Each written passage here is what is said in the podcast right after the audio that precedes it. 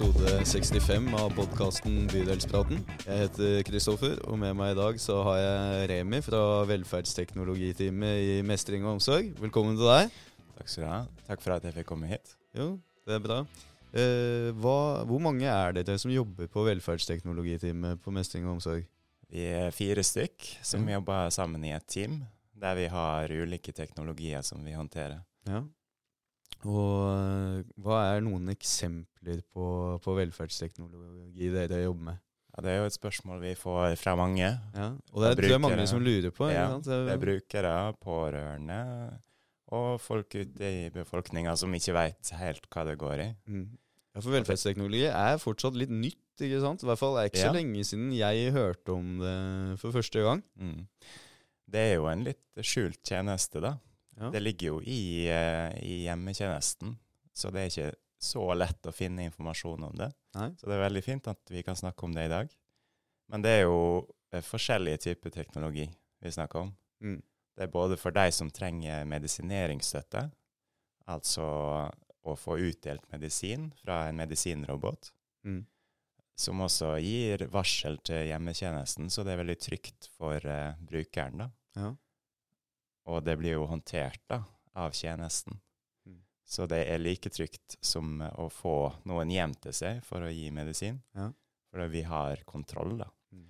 Så den melder tilbake også til, eh, til dere, da? Eller melder den tilbake til de som jobber ute, hvis de ikke har henta Jo, det er da eh, ansvarsvakta da, hjemmetjenesten som får et varsel hvis Ja. man ikke har tatt medisin.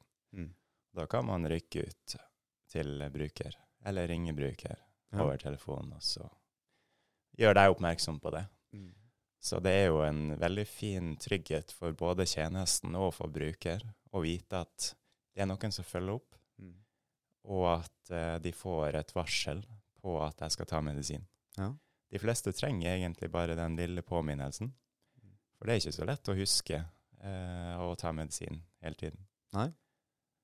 Og det er mange som kan ha behov for en sånn type støtte da, i hverdagen. Eh, Men det er jo flere teknologier. jo. Eh, vi har jo eh, fallsensorer. Ja. Det er jo en type sensor som vi plasserer ut i de hjemmene der det har vært en del fall, da. Og før så har vi jo brukt, eller vi bruker jo fortsatt det som kalles for trygghetsteknologi. Ja. Mm. Et trygghetsalarm, som da er den type eh, man har på, på hånda, som man kan trykke hvis man har falt. Ja.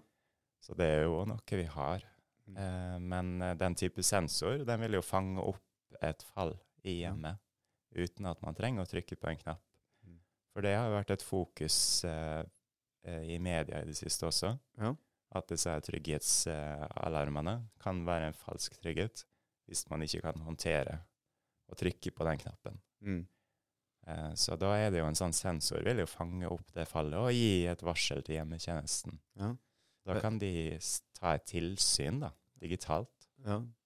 Jeg vet ikke helt om jeg, jeg, jeg skjønner. Hvordan ser de her eh, løsningene, sensorene, ut? Ja, sensoren det ser jo ut som et, nesten som et Hva skal jeg si Hvis man har en, eh, en alarm Ja. eh, hjemme, så er det jo en type kamera som står plassert oppe i, i hvert rom. Ja. Eh, det er jo ikke et kamera det er snakk om det her, men det er jo en, eh, en liten firkanta boks Mm. som har eh, infrarød, um, infrarødt kamera. Ja. Så det er jo anonymt bilde. Mm.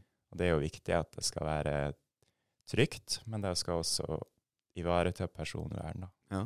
For det, da måler den på brå bevegelser, eller liksom Hva er det som gir utslag? Ja, den ser eh, rett og slett gulvet i leiligheten. Ja. Det blir markert da, som med et uh, oransje lys.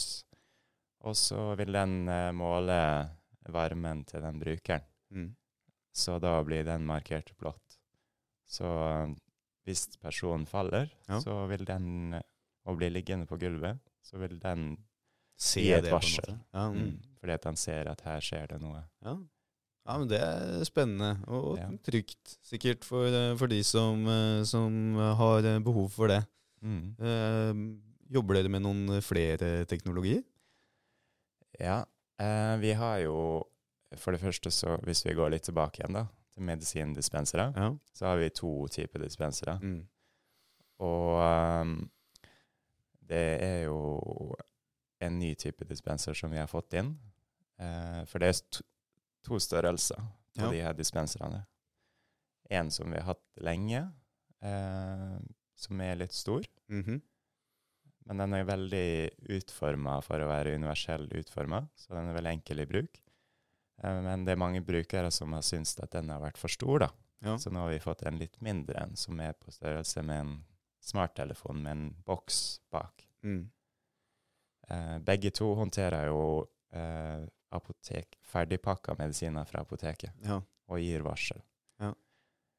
Em, I tillegg så jobber vi jo med mange typer teknologi for at vi skal gjøre det bedre for brukerne. Det er jo en del av jobben vi gjør nå. Mm.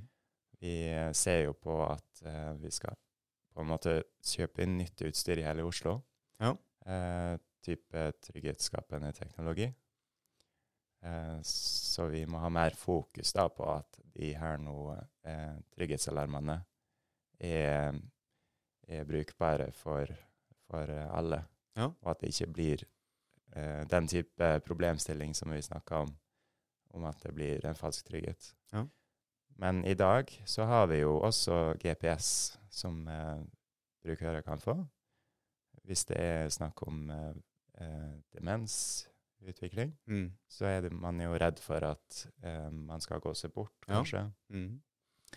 Så da kan man få en GPS. Eh, og det er jo, er jo også et eh, type smykke da, som man eh, Henger rundt halsen. Ja. Ja. Det, Ja, men det er eh, spennende. Og kanskje også litt eh, kontroversielt, eller? eh, GPS, Ja. det kan være det. Eh, eller det har jo vært masse snakk om det, men eh, jeg tror det er mest eh, for de utenforstående, fordi Ja. at man vil eh, For de som trenger gjerne det, er det jo den- veldig den sant? tryggheten. Ja, ja. Ja, Mm. det er det. Eh, dere som er på velferdsteknologiteamet, da, Remi. Mm. Hvordan eh, ser en eh, typisk dag på, på jobben eh, for dere ut? Vi har utrolig varierte hverdager, eller jobbdager. Ja. Vi, eh, det kan bestå i at vi har fått inn en ny dispenser, så vi må ha opplæring på alle fire altså av timer da, Mm. i hjemmetjenesten. Ja. Så da har vi fokus på det, Mm. og på opplæring av ansatte. Eh, og så kan det være at vi er på helseetaten i Oslo, som Ja. jobber med, med i, mellom alle bydeler Ja. med å finne ny teknologi og uh, gjøre ting bedre for både bruker og ansatt. Ja. Har alle bydeler eh, sånne velferdsteknologiteam, eller? De fleste har bare én stilling. Ja. Um, men det er veldig mye å håndtere for én person, så vi ser jo det at de um, ikke rekker overalt. Nei. For det er veldig mye fokus på teknologi, både i Oslo kommune og generelt, Mm.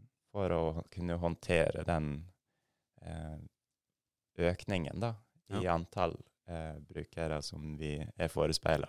Mm. Den berømte Eldrebølgen. eldrebølgen. Ja.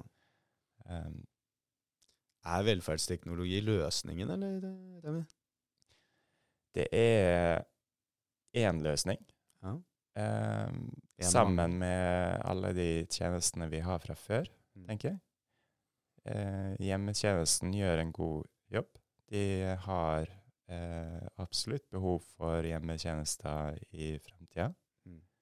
Men eh, for å kunne håndtere eh, den økte eh, befolkningen med eldre, da, Ja. som vi har fått eh, noen tall på, så må vi rett og slett sette ut eh, teknologi der vi kan. Mm. Og det er mange som har eh, bare behov for støtte til medisin. Ja. Eh, og det er jo med på å eh, bevisstgjøre bruker også. Mm. Gjøre brukere selvhjulpne Ja. lenger også. Det er faktisk mange som verdsetter det. Ja. At de ikke blir passive mottakere av tjenester, Ja. men også kan få en aktiv Mm. Ja, nei, Det har uh, tydelig verdi for, uh, for de brukerne. ikke sant? Å ha Mm. minst mulig inngripen fra oss i kommunen uh, så lenge de kan. mm. Du begynner å slippe litt opp for tid, men det var veldig interessant å ha deg her, Remi. Takk for at du kom.